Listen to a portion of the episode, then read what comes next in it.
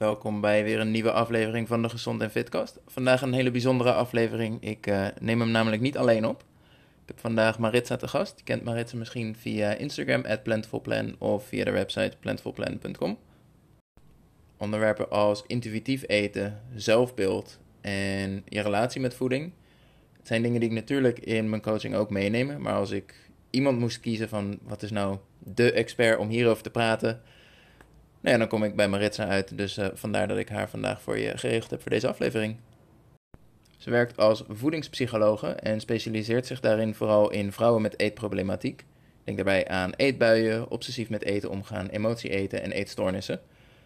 En dat zijn dingen die veel van jullie of ervaren of in mindere mate ervaren en hopelijk dankzij deze podcast dus ook kunnen voorkomen. Laten we erin duiken. Hi, Maritza. Hi, Juri. Leuk je in de podcast te hebben. We gaan het onder andere hebben over intuïtief eten. En daarvoor kon ik niemand beter bedenken om te spreken dan jij. Dus uh, laten we erin duiken. Wat lief. Dankjewel. Nou, heel leuk dat je me hebt uitgenodigd. Uh, leuk om op de podcast te zijn. Intuïtief eten. Veel mensen denken dan eten op gevoel en alles eten waar je op dat moment zin in hebt. Zin in taart, eet taart, zin in koekjes, eet koekjes. Nou, dat is het niet. Intuïtief uitleggen? Sorry, uh, ik wil je niet helemaal verstaan. Hoe zou jij intuïtief eten uitleggen? Hoe zou ik intuïtief eten uitleggen? Um, nou, intuïtief eten, uh, uh, intuïtief eten is in principe eten op je gevoel, maar dat is ook wel weer een beetje heel simpel gezegd. Um, ik zou het zo uitleggen dat het een combinatie is van luisteren naar je gevoel um, en eten op basis van wat je weet wat voor jou werkt. Um, dus uh, dingen die je bijvoorbeeld uh, geprobeerd hebt. Waarvan je weet, nou, het werkt bijvoorbeeld voor mij heel goed om wat vroeger avond te eten of zo. Maar ook wat je weet, wat wetenschappelijk gezien gewoon het beste is. Hè? Dus een bijvoorbeeld bepaalde hoeveelheid calorieën die een mens gewoon nodig heeft op een dag. En daar maak je eigenlijk een combinatie van. En dat is wat je zou kunnen uh, gebruiken als echt de echte goede definitie van intuïtief eten. Ja, dus eigenlijk zeg je in het begin ga je eigenlijk tegen je gevoel in en, en pas je toe waarvan je weet dat het zou moeten werken. En vervolgens kijk je of dat voor jou ook zo werkt. En ga je daar naar luisteren. Uh, dat kan soms een onderdeel zijn, inderdaad, uh, daarvan. Want uh, nou ja, je lichaam geeft heel veel verschillende soorten signalen aan. sommige signalen zijn ook gewoon op basis van gewenning. Hè? Als je bijvoorbeeld, um, ik weet dat jouw luisteraars volgens mij vooral gericht zijn op, op afvallen. Um, nou, als je wat zwaarder bent, dan is je lichaam ook gewend aan een bepaalde uh, calorietoevoer. Ook al is die te hoog, is je lichaam daaraan gewend. En zal je bijvoorbeeld hongersignalen sturen die uh, passen bij uh, nou ja, wat je de afgelopen periode veel al gedaan hebt. Um, dus als je dan um, wilt gaan afvallen, zul je bijvoorbeeld in het begin honger krijgen. En kun je niet beargumenteren van, oh, maar mijn gevoel zegt dat ik moet eten, dus ik moet eten. Want je moet eigenlijk eerst weer wennen aan überhaupt een lagere calorietoevoer, die um, dus past bij, bij een lager gewicht. En die dan meer gebaseerd is op de kennis het onderdeel van kennis wat in intuïtief eten zit. Helder. En waar zou je dan beginnen? Zou je überhaupt zou je, zou je intuïtief eten toepassen tijdens het afvallen? Mm ik denk dat je sommige delen wel tegelijkertijd kunt doen. Je kunt bijvoorbeeld met iemand, uh, of als jij dit nu luistert en je bent iemand die daar zelf mee bezig is, uh, kun je zeker eens beginnen met uh, überhaupt opmerken van wat, wat geeft mijn lichaam eigenlijk allemaal aan? Wat voel ik überhaupt? Het gaat ook veel verder dan alleen maar hongerverzadiging. Het gaat ook om um, welke energie level geeft je lichaam aan? Heb je behoefte aan rust? Hoe voel je je tijdens of na het sporten? Welke oefeningen heb je plezier in en doen je goed? Um, dat kun je allemaal zeker al doen tijdens het afvallen. Maar het is ook heel belangrijk dat je um, uh, vanuit die uh, wetenschappelijke kennis bijvoorbeeld die er is, um, ook bepaalde richtlijnen gaat volgen. Zou ik dat dan ongeveer kunnen samenvatten als je bouwt eigenlijk de structuur op die uiteindelijk ook voor je gaat werken maar waar je nu nog een klein beetje rekening mee moet houden dat je lichaam moet gaan wennen aan dit nieuwe en aan het feit dat je dus gaat afvallen met een, een uh, nou ja, andere energiebehoefte die daarbij komt kijken. Ja, zo zou je het eigenlijk wel heel mooi kunnen zeggen, ja. ja. Ik uh, vind het zelf heel prettig om uh, mensen uit te leggen dat je moet werken met helpende regels of een soort van richtlijnen. Ehm, ik richt me in mijn eigen werk uh, meer op vrouwen die uh, juist obsessief zijn met eten. Dus die juist te veel uh, bezig zijn geweest met afvallen, eetstoornissen eventueel, obsessief zijn met eten. En um, ja, dan zie je toch wel veel dat. Um, even denken wat ik ook wel wilde zeggen. Um, maar dan zie je toch wel veel dat, uh, dat, er, dat er aan bepaalde regels uh, moet worden voldaan. Um, dus uh, dat wil je natuurlijk niet creëren. Je wilt niet een soort van tweede regelmindset maken. Maar je wilt wel helpende richtlijnen hebben voor jezelf. Want anders weet je ook gewoon niet wat je moet doen natuurlijk. En hoe zou je die twee onderscheiden? Wat is nou een goed voorbeeld van een helpende regel en een beperkende regel wat dat betreft? Um, je kunt daar een onderscheid maken op basis van eigenlijk drie criteria. Uh, de eerste is, um, is het een beperkende regel of is het een helpende regel? Dus een beperkende regel zou bijvoorbeeld zijn, um, ik mag nooit uh, verjaardagstaart eten. Hè? Dat is heel beperkend, dat is heel strikt, er is geen ruimteverspeling. en een helpende regel kan bijvoorbeeld zijn, ik begin de dag niet met een glas cola, want dan voel ik me niet goed. Dus hè, dat, dat, daar zit veel meer ruimte in. Um, een tweede criterium is uh, hoe flexibel is de, is de regel. Dus kun je hem, als het een keer goed uitkomt, kun je hem dan een keertje verbreken. Bijvoorbeeld uh, een helpende richtlijn zou kunnen zijn van nou, ik wil elke dag um, eventjes een stukje wandelen. Maar komt het een keer een dag niet uit, heb ik dan de flexibiliteit om te zeggen van nou, dan uh, pak ik morgen wel weer op. Hè? Of ben je zo strikt met jezelf dat dat absoluut niet kan en dat je helemaal in paniek raakt. En een uh, derde criterium uh, is of er consequenties verbonden zitten aan het uh, niet of wel opvolgen van de regel. Hè? Dus zeg je bijvoorbeeld van, oh, als ik deze regel heb opgevolgd, dan heb ik het goed gedaan vandaag. Dan, dan um, heb ik mijn waarde verdiend, zeg maar. Of um, als ik het niet heb gedaan, dan moet ik ook gezonder eten vanavond, want dan moet ik het weer compenseren. Hè? Dan gaat het een beetje in het ongezonde zitten. Um, en een, een richtlijn of een helpende regel is daarin wat vrijer. Dus als je het niet doet, ja, dan gebeurt er eigenlijk niks. Daar zit geen negatieve consequentie aan verbonden. Ik denk dat een angst die veel mensen daarbij hebben, is dat als ze er geen negatieve consequentie aan zouden koppelen, dan doe ik het toch niet en dan heb ik toch geen zin. Um, en, en, een beetje in die richting. Hoe zie jij dat? Um, als je er geen negatieve consequentie aan verkoppelt of aan koppelt, dan doe je het niet. Ik denk dat als je dat als mindset hebt, dat je sowieso op een hele geforceerde manier eigenlijk met je gezondheid bezig bent. Um, veel mensen doen dat, dat klopt, dat zie ik ook op die manier. Die denken van ja, maar ik ga het niet doen, um, want eigenlijk vind ik het niet leuk, dus ik moet mezelf forceren. En zo kun je het leven doorkomen en, en met sporten en voeding omgaan, maar dat, dan zul je nooit echt uh, vrij worden daarin. Dus um, de langzame weg hierin is om erachter te komen wat je leuk vindt, wat voor jou werkt, um, wat je kunt doen zonder dat je het moet forceren of dat er negatieve consequenties aan zitten. En dan stapje voor stapje verder gaan. En als dat voor jou betekent dat je niet kunt starten met drie keer in de week uh, hardlopen, misschien kun je beginnen met één of twee keer in de week een lange wandeling maken. En um, zie je daar niet tegen op en voelt het dan ook niet zo geforceerd. Dus eigenlijk het bekende motto van neem er de tijd voor. Het is geen drastisch en tijdelijk iets. Um, je, je, zoekt iets wat je je hele leven kan volhouden en dat mag geleidelijk opgebouwd worden. Ja, ja dat zou ik wel zeggen. Ja, ja zeker. Um, het is ook altijd, uh, we hebben als mensen denk ik altijd heel veel haast. Uh, vooral als het om gewicht afvallen gaat. Ik bedoel, dat ben je liever morgen kwijt dan uh, over drie maanden. Um, maar zo zit het nou eenmaal niet in elkaar als je echt duurzaam resultaat wilt. En dan probeer ik altijd iemand te laten zien van, hè, stel je nou eens voor dat je vijf jaar verder bent en dat je er bijvoorbeeld anderhalf jaar over gedaan hebt om je gewicht kwijt te raken, of twee jaar. Wat is die twee jaar dan op je hele leven? Hè? Dat, dat weegt toch op tegen twintig jaar lang zitten een beetje aan te, aan te kloten. Ja, dat is er wel zo één waarvan ik vaak dan terugkrijg van, enerzijds ja, dat weet ik wel, maar in de praktijk en als het erop aankomt, dan zit het er nog niet zo. Eh, dan, dan wil dat nog niet zo. Maar ik denk dat dat ook een heel groot deel is van. Weet je, dat zijn mensen die al vijf jaar, tien jaar. Sommigen hebben echt van kinds af aan al dat ze uh, door ouders moesten diëten. Dus ik kan me voorstellen mm. Dat ook heel erg uh, met elkaar in verband staat. Uh, ja, dat kan. En soms ook omdat je dan al zo lang bezig bent, dat misschien een beetje het vertrouwen weg is dat je het überhaupt kunt. je, het is gewoon een onderdeel van jou geworden dat je het blijft proberen. Maar echt het vertrouwen hebben uh, dat het zou kunnen slagen, dat is er eigenlijk niet meer. En wat zou je op zo'n moment adviseren?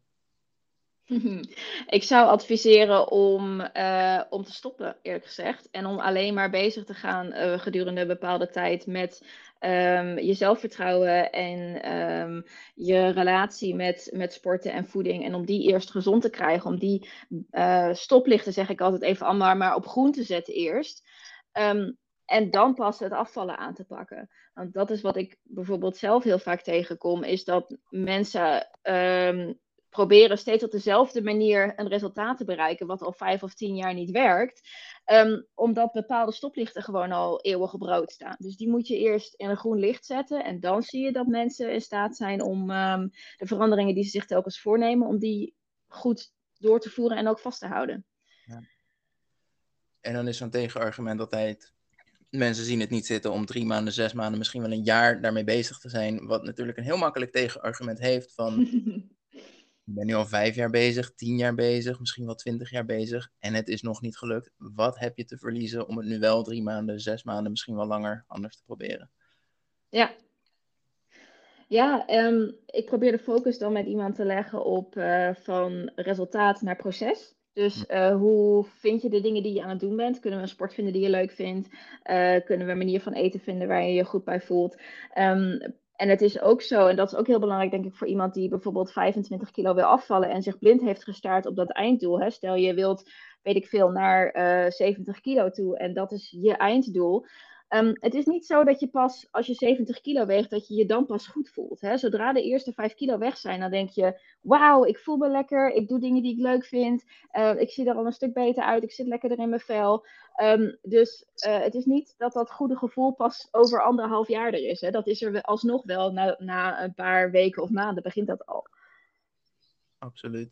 Is dat iets waar jij in je begeleiding ook heel bewust op richt? Om eigenlijk de aandacht vooral van dat gewicht af te houden en heel erg te kijken naar dus inderdaad alle progressie daaromheen, maar ook het gedrag van de persoon in kwestie, denk ik. Ja, zeker. Ja, ik, uh, ik werk zelf als um, uh, voedingspsychologe. Ik ben afgestudeerd gedragspsychologe met focus op gezondheidspsychologie en gedragsverandering. Um, dus juist die, die kant, die psychologische kanten aan die uh, interesseert mij heel erg en daar wil ik heel graag met iemand uh, aan werken. En nou kan ik me voorstellen dat, nou ja, als ik kijk bij, bij de, de mensen die ik zelf begeleid, en, en, dus inderdaad in de doelgroep met overgewicht, zie ik heel veel, dat je eigenlijk, ik, ik, wil niet zeggen eetstoornissen, maar je ziet wel beginnende verschijnselen van. Je ziet wel de voorstadia van. Je ziet gewoon heel verstoord eetgedrag, een hele ongezonde relatie met eten. Heb jij nou mensen die bij je komen die dus inderdaad veel zijn afgevallen en vervolgens eigenlijk zitten met, ja, dit is niet wat ik me had voorgesteld. Ik dacht dat alles opgelost zou zijn als ik afgevallen was. Mm help. Ja. Ja, dat komt wel eens voor. Komt uh, wel iets minder vaak. Ik zit toch meer aan de kant van mensen die uh, ondergewicht hebben of een normaal gewicht. Als we het even puur naar gewicht vanuit gewichtskant bekijken.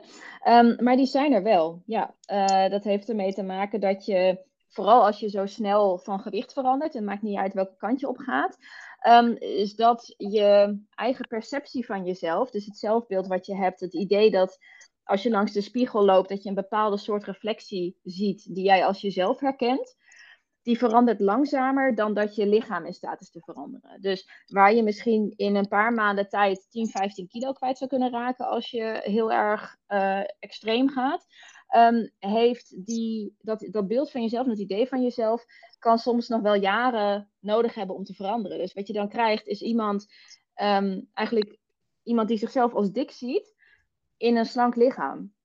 En um, dat betekent dan niet gelijk dat de problemen die jij associeerde met het dik zijn, dat je die ook gelijk opgelost uh, ziet. Wel natuurlijk hè, echte praktische dingen als uh, uh, ik word moe als ik de trap oploop. Maar dingen die met zelfbeeld te maken hebben, um, die niet per se.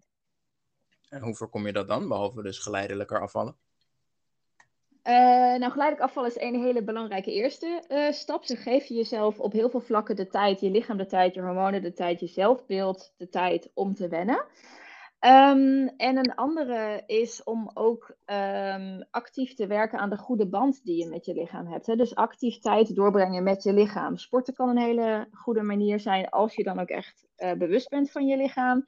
Um, maar denk bijvoorbeeld ook aan uh, massages doen of nieuwe kleren kopen uh, of jezelf opmaken. Hè? Iets waarbij jij met je lichaam bezig bent. Ja.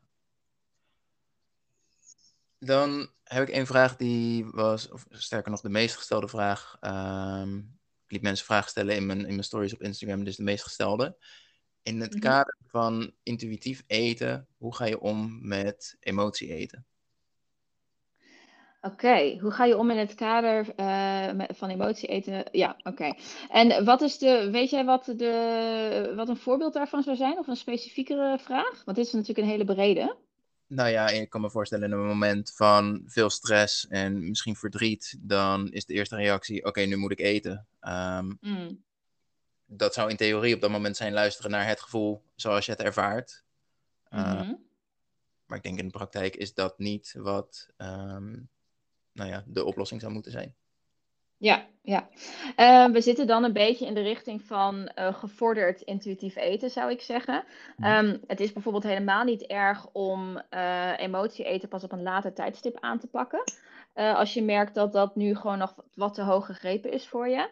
Um, en wat je zou kunnen doen als je al wel op dat punt bent en je denkt van oké, alle andere dingen gaan eigenlijk best wel goed, maar ik ben de hele tijd nog wel echt een emotieeter um, is om eens bezig te gaan met um, de emotie die je voelt. En eens achtervragen wat je lichaam daarmee eigenlijk probeert aan te geven. Want een emotie eten is letterlijk het oplossen uh, van een andere emotie met eten. Omdat eten bepaalde eigenschappen heeft. Het is kalmerend, het leidt je af, uh, het is geruststellend bijvoorbeeld. maar eigenlijk heb je iets anders nodig dit is gewoon de makkelijkste manier en dat is de manier die je dan uh, jezelf hebt aangeleerd. Maar misschien heb je wel behoefte aan een knuffel van je partner. Of misschien heb je wel behoefte om een andere baan te zoeken, omdat je gewoon elke dag gewoon hartstikke gefrustreerd thuis komt. Of misschien heb je behoefte aan uh, gewoon eventjes uh, vroeg naar bed en slapen. In plaats van jezelf kalmeren en tot rust laten komen met eten. Dus als je ertoe in staat bent en je hebt de ruimte om, om dat te gaan achtervragen. En jezelf dan te geven wat je echt nodig hebt. Uh, dan kun je emotie eten op een, op een goede manier aanpakken. Eventueel met een coach, want die, die kan je ook nog helpen met nou ja, erachter komen wat je bijvoorbeeld eigenlijk echt nodig hebt en waar het überhaupt misgaat. Dus wat je daar eigenlijk ziet is dat iemand bijvoorbeeld behoefte heeft om getroost te worden en misschien wel nooit heeft aangeleerd hoe je jezelf nou fatsoenlijk kan troosten en alleen maar heeft meegekregen, ik kan mezelf troosten met eten, dus dat is de oplossing waar ik um, nou ja, eigenlijk uit gewoonte uh, continu voor kies. Terwijl dat niet per se ja, de oplossing is waar ik het gelukkigst van word. Uh, ja, het is een hele korte termijn oplossing. Uh, en het, het, lost ook niet de kern op. Het lost het gevoel op, maar het lost niet het, de situatie op dat je uh, dat iets jou verdrietig maakt, bijvoorbeeld. Um, en dat je niet in staat bent om dat op een andere manier op te lossen dan, dan met eten. Um, ik geef dan altijd de tip mee: probeer als je bezig bent met het um, vinden van andere, uh, andere dingen die je kunt doen om jou een beter gevoel te geven. Probeer altijd meer dan één te bedenken. Het is altijd goed om meerdere opties te hebben waar je op terug kunt vallen. Dus praten met iemand, het van je afschrijven, even gaan wandelen, uh, een kopje thee zetten en gewoon even op de bank zitten en gewoon even voelen wat je voelt. Hè? Dus probeer er een aantal te bedenken, zodat je altijd een van de opties kunt toepassen, onafhankelijk van waar je bent bijvoorbeeld. Je kunt natuurlijk niet, hè, als je ergens bent waar, waar je partner niet is, dan kun je niet zomaar uh, eventjes uh, naar diegene toe gaan om een knuffel te krijgen, zeg maar. En zeg je, dit is iets wat je beter um, vooraf goed over kan nadenken, zodat je je plan al hebt staan? Of zeg je in het moment zelf, um, mag je niet, nou ja, mogen, mogen zal je nooit. Um, nou ja, stel in het moment, eh, ik word ineens heel verdrietig en mijn eerste drang is om te eten. Zeg je dan, nee, dat moet je niet doen. Je moet um, een van je oplossingen moet je volgen. Of zeg je, het is oké, okay, maar op dat moment geven, maar op een later stadium moet je er wel naar kijken en iets mee doen. Hmm. Um, ik, ik, werk het liefst zelf vanuit uh, verschillende kanten. -hmm. Dus um, het zou mooi zijn om jezelf, bijvoorbeeld als het lukt, um, ehm, ruimte te geven in die tijd. Als, als je al voelt van ik voel de emotie, ik heb de drang om te eten. Niets verbieden, maar zeggen: kan ik het moment van eten nog even uitstellen? En mezelf eerst 15 minuten bijvoorbeeld de tijd geven om te voelen wat ik voel en te achterhalen um, waar het vandaan komt. En als ik dan nog steeds wil eten, dan is het prima als ik gewoon wil eten. En dan zitten daar ook geen consequenties aan vast. Ik, ik denk niet dat je dat ooit een negatief iets moet maken, want dan maak je het alleen maar erger mee. Um, tegelijkertijd kun je voor jezelf een soort van plan de campagne maken.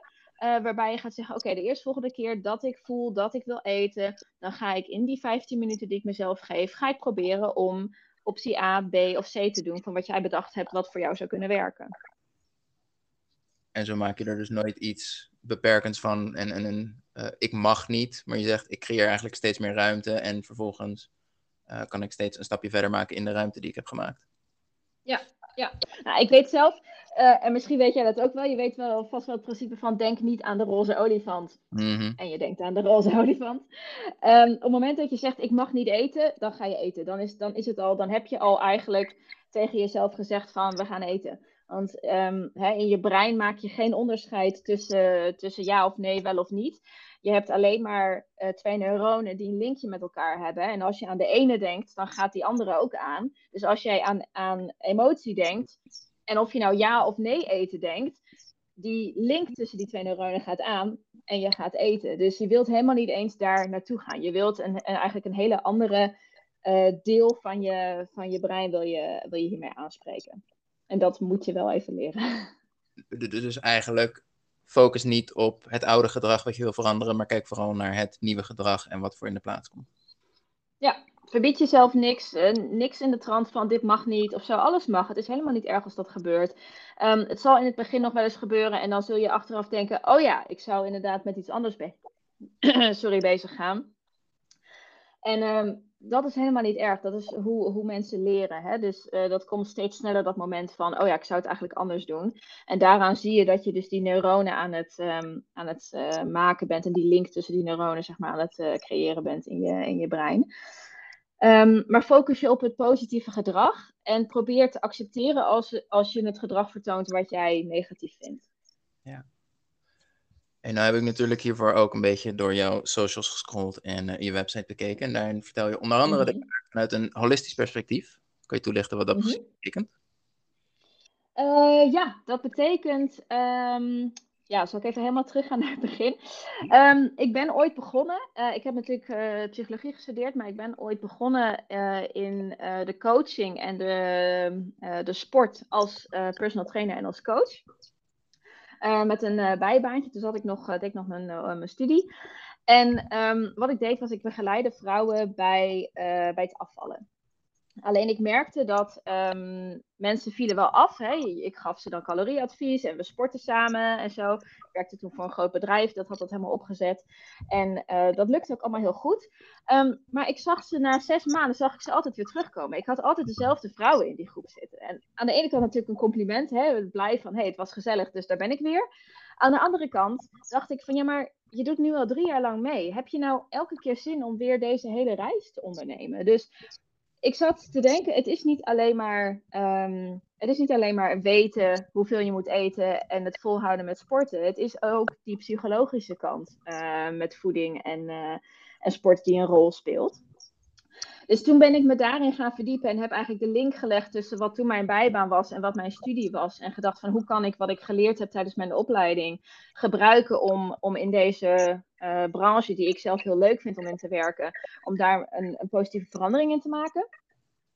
En um, toen heb ik ook uh, gezien uh, en ook een beetje vanuit thuis meegekregen om er zo naar te kijken. Um, dat het zelfs nog veel verder reikt dan alleen maar weten wat je moet doen en de psychologie. Het heeft ook te maken met um, hoe prettig je je voelt in je leven bijvoorbeeld. Dus heb je, ben je gelukkig in je relatie? Ben je gelukkig in je baan? Heb je het gevoel dat je een goede balans hebt in je leven? Die dingen kunnen allemaal meespelen en kunnen allemaal ook weer invloed hebben op hoe we eten en hoe, hoeveel rust we daarvoor hebben en hoeveel balans we kunnen creëren tussen die verschillende factoren. Um, dus dat neem ik ook heel graag mee. Dat vind ik fijn om, om daar ook aandacht aan te besteden. Want je ziet toch wel vaak dat als een van die andere aspecten in het leven uit balans zijn, dat je dat eigenlijk ook direct terugziet in hoe iemand, iemand eet. Is dat ook iets waar, is dat hoe je breed jij soms ook het trekt in je begeleiding, in je coaching? Dat je zegt van, hé, hey, we zijn nu al een paar weken, het mm. gaat op zich heel goed. Maar we zien volgens mij allebei dat jouw baan je echt verschrikkelijk ongelukkig maakt. En zolang dat niet verandert, dan zal dit ook nooit heel veel veranderen. nou, ik, uh, ik zeg nooit tegen iemand dat diegene moet stoppen met zijn werk natuurlijk. Um, maar uh, kan natuurlijk wel met iemand erover praten wat ik observeer. Hè, bijvoorbeeld als iemand altijd heel negatief is over zijn werk, dan kan ik dat wel teruggeven. Van goh, het valt mij op dat je eigenlijk altijd heel negatief bent over je werk. Zijn er ook dingen die je leuk vindt aan je werk? Um, heb je wel eens over nagedacht om ander werk te gaan zoeken? Dus het is eigenlijk meer een soort van balletje opgooien. Um, en dan leg ik het vervolgens bij diegene. En je kunt heel veel doen zonder dat je, hè, zonder dat je aandacht besteedt aan het veranderen van uh, de factor die eigenlijk beknellend is. Dat is een beetje het stukje van, uh, nou, je kan, je kan niet altijd veranderen wat je overkomt, maar je kunt wel je omgang ermee veranderen. Maar dat kan maar tot op zekere hoogte. Hè? Als je gewoon echt een baan hebt waar je gewoon doodongelukkig van wordt, ja, dan kun je nog zoveel doen met emotie eten, proberen om te denken in de avond. Maar uh, als je dan nog elke dag gefrustreerd thuiskomt, um, hoeveel winst heb je dan behaald? Hè? Zou er dan niet nog heel veel meer in zitten als je bijvoorbeeld toch eens verder gaat kijken uh, of een andere baan een optie voor je is? En dat zijn enerzijds de allerlastigste knopen om door te hakken en aan de andere kant ook de meest bevrijdende als het dan eindelijk gebeurt. Dus ook heel... Ja, zeker. Um, mooi. Soms loopt zo iemand gewoon vast tijdens een traject en krijg je een paar maanden later het berichtje: Ik heb het nu eindelijk gedaan en alles wat je me hebt geleerd lukt ineens fantastisch, want mm. ik heb die knoop doorgehakt. Um, ik denk dat je die ook wel eens ontvangt. Dat zijn uh, erg leuke berichten om te ontvangen. ja, het gebeurt wel eens dat, dat iemand van baan wisselt tijdens een traject. Of uh, dat een relatie. Ik geloof niet dat ik er wel eens meegemaakt dat een relatie uitging, maar wel dat de relatie een hele andere insteek kreeg. Dat iemand meer voor zichzelf op ging komen, bijvoorbeeld. Um, of dat, dat een partner echt eventjes goed aangesproken werd met: Nou, ik, ik heb gewoon je steun nodig, anders kom ik niet verder. Maar ik zou nooit degene zijn die zegt: als je dit niet verandert, dan heeft ons traject geen zin. Um, dat overleg ik dan met iemand. Ik kan het alleen maar voorleggen en dan beslissen we samen of, het, uh, of we er nog genoeg uithalen zonder dat we dan um, een of andere drastische andere stap nemen, zeg maar. Ja. Um, dan kreeg ik een aantal vragen over het stukje zelfbeeld. Hebben we al kort besproken. Ik denk overgewicht mm -hmm. en negatief zelfbeeld gaan helaas in heel veel gevallen hand in hand. Deels denk mm ik stukje opvoeding, deels ook um, de maatschappij aan zich. Absoluut. Um, overtuigingen als ik ben pas tevreden als ik slanker ben, tegelijkertijd daardoor zo negatief zijn over zoals het nu is. Um, nou ja, met alle gevolgen van dien. Als jij super negatief in de spiegel kijkt, gaat dat niet helpen met je emoties. Nee. En motivatie ook niet. Vervolgens mogelijk ja. emotie eten als gevolg. En dus verandert er ook niks aan dat lichaam. Ja. ja. met name dat stukje omgeving. Hoe ga je daarmee om wanneer je omgeving je eigenlijk niet steunt en je eerder neerhaalt dan um, nou ja, helpt in de veranderingen die je probeert te maken? Hmm. Ja, dat is een hele lastige. Uh, we weten dat uh, steun uit de omgeving een van de meest beslissende factoren is voor het succes van iemand om uh, gewicht te verliezen. Dat weet jij vast ook wel uit je, uit je werk, dat het heel belangrijk is om je omgeving on te hebben, zeg maar. Um, als dat nou echt niet lukt, Um, dan zou ik proberen om uh, je in elk geval op de cruciale momenten uit die omgeving te verwijderen. Um, dat wil zeggen, uh, ik bedoel, je hoeft niet uh, gelijk uit huis te gaan of iets dergelijks. Um, maar in elk geval niet op momenten dat je weet, oké, nu gaan er discussies komen. Probeer daar dan afstand van te, van te nemen. Um, en het niet zo ver te laten komen en gewoon lekker je eigen ding te doen uh, daarin. Um, en uh, om iemand on boord te krijgen die wel uh, jouw steun kan bieden. Hè? Vaak is er misschien niet iedereen in je omgeving helemaal hyper de pieper, um, maar wel één of twee. en dat kunnen dan jouw uh, jouw mensen zijn in dit deel van jouw leven. Je hoeft natuurlijk ook niet met iedereen dezelfde hobby's te delen of met iedereen uh, even goed uh, te kunnen stappen. Hè, je hebt vrienden en, en, en kennissen voor het een en vrienden en kennissen voor het ander. En focus je dan in dat aspect wat meer op de mensen die jou een goede steun bieden. Volgens mij is dat wel een beetje. En soms. Oh, sorry. Nou ja, ik wilde zeggen, en soms eh, hè, als je merkt dat iemand gewoon echt heel erg ehm, eh, je tegenwerkt op een, op een beetje een giftige manier, zeg maar. Dat je gewoon denkt van ja, oké, maar ik als deze steun, of als een soort van uh, zelfs neutrale houding of een minimumsteun er ook niet in zit. Ehm, dan kun je je ook afvragen of dat iemand is die je überhaupt wel in je leven wilt hebben. Hè? Want dat betekent dus dat als iemand het met jou oneens is, dat dat een reden voor diegene is om jou te laten stikken. En is dat iemand die je überhaupt om je heen wilt hebben? En dat een confronterende vraag om jezelf te stellen, maar wel de meest belangrijke. Ik denk ook wat ik hier heel erg uh, centraal terug hoor, is eigenlijk heel veel focus op wat wel voor je werkt. Focus op het positieve en wees wel bezig met het negatieve. Ik bedoel, het is er en het mag er zijn, maar richt vooral op wat wel werkt en uh, wat jou helpt. Dus richt je niet op de mensen die je neerhalen, uh, maar breng juist meer tijd door met de mensen die je steunen en helpen. Ja, ja, dat is heel mooi dat je dat zegt. Uh, hè, de focus, een, een, soort van focus op het positieve en het negatieve mag er ook zijn. Um, je kunt meerdere dingen tegelijk voelen. Hè? Je kunt aan de ene kant denken, hè, ik baal ervan dat die en die mij niet steunt. Maar ik ga dat niet um, uh, invloed laten hebben op mijn motivatie om te veranderen. Die twee dingen kunnen er zijn, naast elkaar. En ik denk wat veel mensen doen, is het ene als reden nemen om het andere ook te stoppen. Um, kunnen verschillende redenen voor zijn dat iemand dat doet. Um, maar dat is eigenlijk een beetje zonde. Want in principe hoeven die twee niet, niet um, geconnect te zijn met elkaar dat ze, dat ze de, de handeling uh, beïnvloeden. Dat is een, een hele mooie, denk ik, inderdaad. Iets wat jou, denk ik, ook onderscheidt, is dat jij zeker persoonlijk um, plantaardig eet. Wat is daarin mm -hmm. het verschil met vegan? Oké, okay, even een hele andere kant op uh, qua gesprek. Um, nou, dus mijn persoonlijke verhaal. Uh, ja, ik, um, ik ben nu al acht jaar, uh, eigenlijk eet ik grotendeels plantaardig. Toen ik daarmee begon, toen studeerde ik nog, toen had ik mijn Instagram nog niet, toen werkte ik nog lang niet. Dus ik was gewoon een meisje die geïnteresseerd was in sporten, voeding. En nou, het leek me leuk om eens plantaardig te proberen, want dat was toen helemaal, helemaal hip en zo. Dus zo ben ik erin gerold. Ik had ook een aantal klachten, vooral darmklachten en zo, waar ik destijds heel erg last van had. En ik kon niet zulke goede hulp krijgen vanuit de gewoon reguliere zorg, de huisarts en zo. Um, hoewel die wel heel vriendelijk was, maar hij heeft me niet heel goed verder geholpen. Dus ik dacht, ik ga dit gewoon een kans geven en dan uh, zie ik het wel.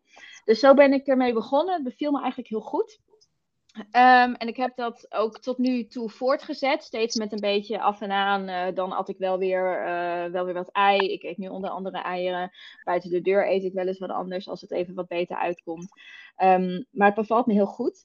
En um, sinds dat ik uh, mijn eigen account heb en ook dit werk doe, ben ik er nog weer wat makkelijker in geworden. omdat ik ook niet wil dat het ik wil dat die beperkende factor er niet in hebben. Dus ik ben hierin ook heel erg zelfgericht op. Helpt het mij? Voel ik me er goed bij? Maar beperkt het mij niet? Zodra ik me beperkt voel, dan weet ik, oké, uh, ik moet hierin dus meer flexibiliteit voor mezelf uh, creëren. En inmiddels heb ik daar een hele goede uh, balans in gevonden. Um, dus je zou kunnen zeggen dat ik niet veganistisch eet. Dat doe ik ook niet. Um, want ik eet eieren, ik eet af en toe iets waar melk doorheen zit of zo. Of uh, een soft ijsje. en, um, maar wel grotendeels plantaardig. Dus uh, dat is het, uh, het verschil. Is het dan ook iets wat je standaard meeneemt in begeleiding? Of zeg je nee, dit is wat ik zelf doe en dit is wat ik fijn vind en dat is niet iets wat ik per se meeneem en anderen opdraag? nou, ik adviseer het niet. Uh, in die zin. Uh, het is niet dat iemand die bij mij in de coaching begint dat diegene plantaardig moet eten of dat ik met diegene ga toewerken naar een plantaardige voeding. Absoluut niet. Um, ik gebruik het als voorbeeld om te laten zien, kijk, dit werkt voor mij.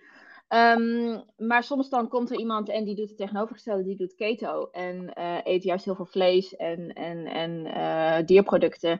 En dan ga ik met diegene kijken, werkt dit ook echt heel goed voor jou? Hè? En is dit, is dit gezond voor jou op dit moment? Uh, behaal je daarmee wat je, wat je wilt behalen. En dan blijf je dat gewoon lekker doen. Ik ben voorstander van dat iedereen erachter leert komen wat voor hem of haar werkt en dat ook uh, doet. Aan de andere kant is het wel zo dat um, veel plantaardige producten een hele heelzame werking hebben op je lichaam en ook bijvoorbeeld voor je hormonen. Uh, en daar maak ik bijvoorbeeld wel gebruik van. Als ik weet dat iemand bepaalde klachten heeft, um, denk aan bloedsuikerspiegels, schommelingen of zo, uh, ja, dan uh, zou ik bijvoorbeeld wel eerder de tip geven om um, bepaalde dingen te kiezen boven iets anders, zeg maar. Zo van, het is niet iets, het is absoluut niet iets wat je um, forceert wat dat betreft. Het is meer iets, we weten dat over het algemeen onbewerkte en veelal plantaardige voeding gewoon de betere of de gezondere keuze is. Um, en in dat opzicht adviseer je het, denk ik, soms wel eens. Ja, dat klopt. Ja, maar ik ben absoluut, kijk, ik denk dat als je grotendeels uh, onbewerkte natuurlijke voeding eet, dat er absoluut ruimte is voor cola, chocola, vlees, uh, wat je ook wil eten, junkfood als je dat fijn vindt, alcohol als je dat fijn vindt. Um, het is niet een alles of niets principe. Je lichaam kan heel goed, heel gezond zijn als je een aantal keer in de week alcohol drinkt. Als je een aantal keer in de maand uh, iets uh, qua fastfood eet of zo. Um, dus het is echt veel gebalanceerder, denk ik, dan veel mensen zien. Ik denk dat dat inderdaad voor veel mensen ook het grootste probleem is. Dat als ze zoiets proberen als koolhydraatarm of keto, dat het inderdaad gelijk is. Het moet exact volgens die regels en er mag geen enkele dag van afwijken. En mm -hmm. met alle gevolgen van dien. Ja. Nou, ik ben zelf ook niet iemand die, waarvoor dat werkt hoor. Ik, ik merkte dat wel heel snel. Als ik te strikt word, dan word ik juist, uh, ga ik juist helemaal de andere kant op. En dan ga ik juist uh, eigenlijk uh, precies het tegenovergestelde doen. Um, en zodra ik me focus op, ik doe het omdat ik me er goed bij voel. En als ik er eventjes geen zin in heb, dan doe ik het niet. dan creëert het voor mij een, een ruimte waarin ik graag terug wil komen naar wat ik aan het doen ben. Omdat het voor mij gewoon goed werkt zonder dat het moet. Moeten roept altijd zo'n weerstand op. Dus um, uh, doe wat werkt in plaats van wat moet. Ik denk dat dat een hele goede, goede leidraad hierin is.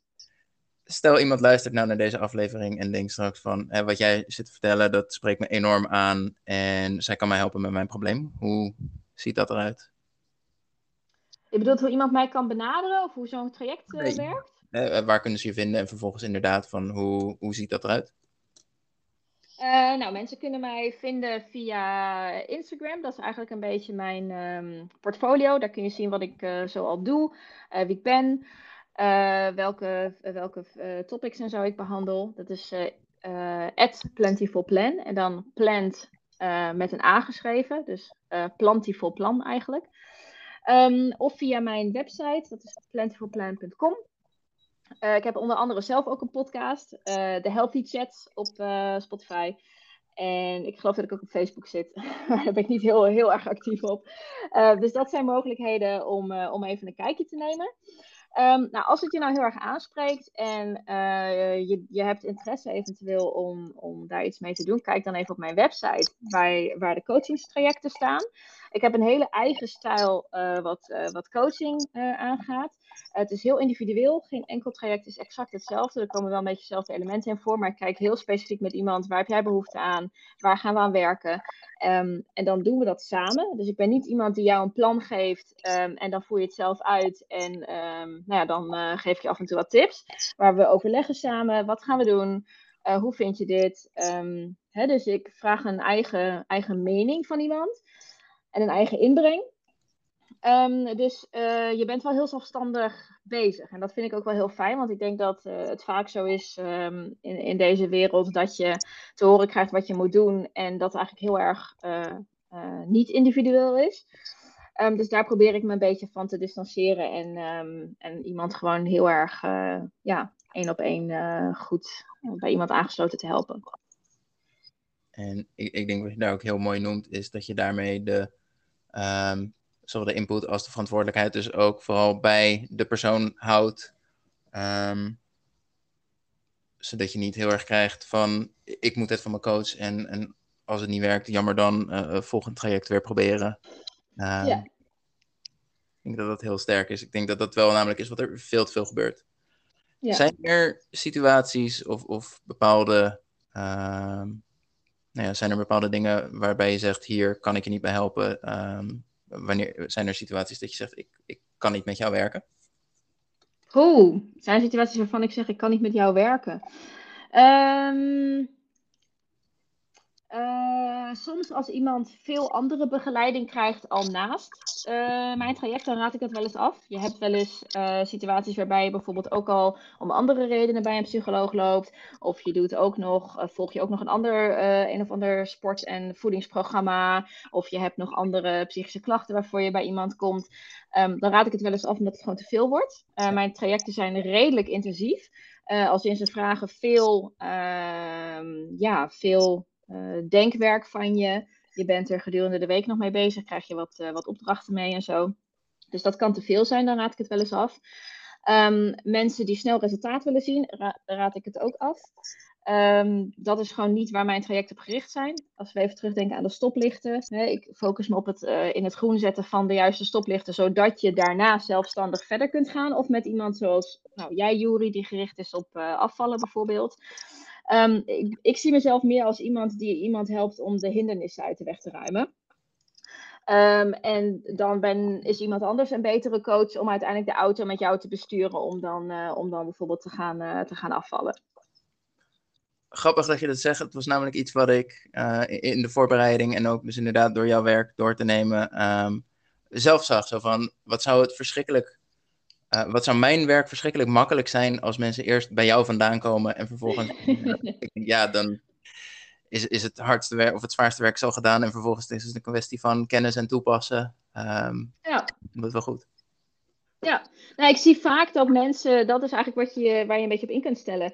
Als je zo'n traject aangaat, dan ben je niet gericht bij mij op, uh, op het resultaat, maar op het verbeteren van je proces. En op het uit de weg ruimen van de valkuilen en de dingen waar je tegenaan loopt en al het gedoe wat je de afgelopen jaren hebt meegemaakt.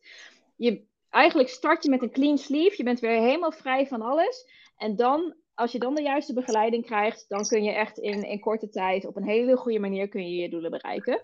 Um, maar het gebeurt ook wel eens dat mensen daar dan helemaal geen behoefte meer aan hebben. Dat ze zeggen, nou weet je, ik heb die 5 kilo extra eigenlijk wel geaccepteerd. Ik heb dan mensen die niet, niet heel veel te zwaar zijn, zeg maar. Um, en ik ben eigenlijk wel gewoon heel gelukkig nu met mezelf. Dus dat gebeurt ook. Super. Afsluitend, is er iets wat je zelf nog wilt delen of aanraden? Praktische tip die je wilt delen? Of uh, ronden we hem af? Oeh, een praktische tip die ik wil delen. Um ik, ik zit momenteel wel, wel heel erg in de richting van um, kijk goed van wie je iets aanneemt. Uh, hè, online is er ontzettend veel te vinden, dus je kunt je helemaal suf googlen. Um, maar kijk ook goed um, wie de mensen zijn die je online vertrouwt. Er zitten, iedereen zit zo ongeveer op social media en, en kan, kan je wat vertellen. dus probeer daar ook selectief in te zijn. En probeer misschien maar een paar mensen te volgen die je echt als expert ziet, die je vertrouwt. Um, in plaats van dat je mening krijgt van, van 20, 10, 20 mensen. Want daar raak je bijvoorbeeld heel erg door in de war. En dat uh, helpt absoluut niet als je, als je toch, al, um, uh, toch al moeilijk vindt om, uh, om veranderingen toe te passen. En te weten wat je nou precies moet doen en zo. Um, ja, en ik zou mensen aanraden om gewoon lekker bij jou in de coaching te gaan als ze willen afvallen. Want volgens mij heb jij een hele goede no-nonsense approach die ik heel erg waardeer. Um, dus als ik een keer mensen heb die, uh, ja, die uh, nadat ze een traject hebben gehad ook nog heel graag uh, echt gewicht willen verliezen, dan stuur ik ze ook altijd door. En zijn ze van harte welkom natuurlijk. Ik wil jou van harte bedanken dat jij te gast wilde zijn vandaag, als allereerste. Ja, nou, ik vond het echt hartstikke leuk. Een beetje in het, uh, gelijk in het koude water. Want ik ben dus gewend om mijn podcast altijd helemaal voor te bereiden. Nu zit ik hier, uh, ik krijg gewoon vragen op mijn bord en dan moet ik het maar gelijk, gelijk eruit gooien.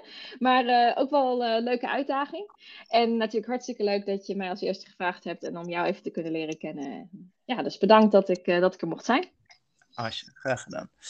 Als je wil dat ik vaker gasten als Maritza uitnodig voor de podcast, deel de podcast dan op social media. Tag ons eronder, zouden we hartstikke fijn vinden. Ik uh, wil je bedanken voor het luisteren en uh, tot de volgende keer.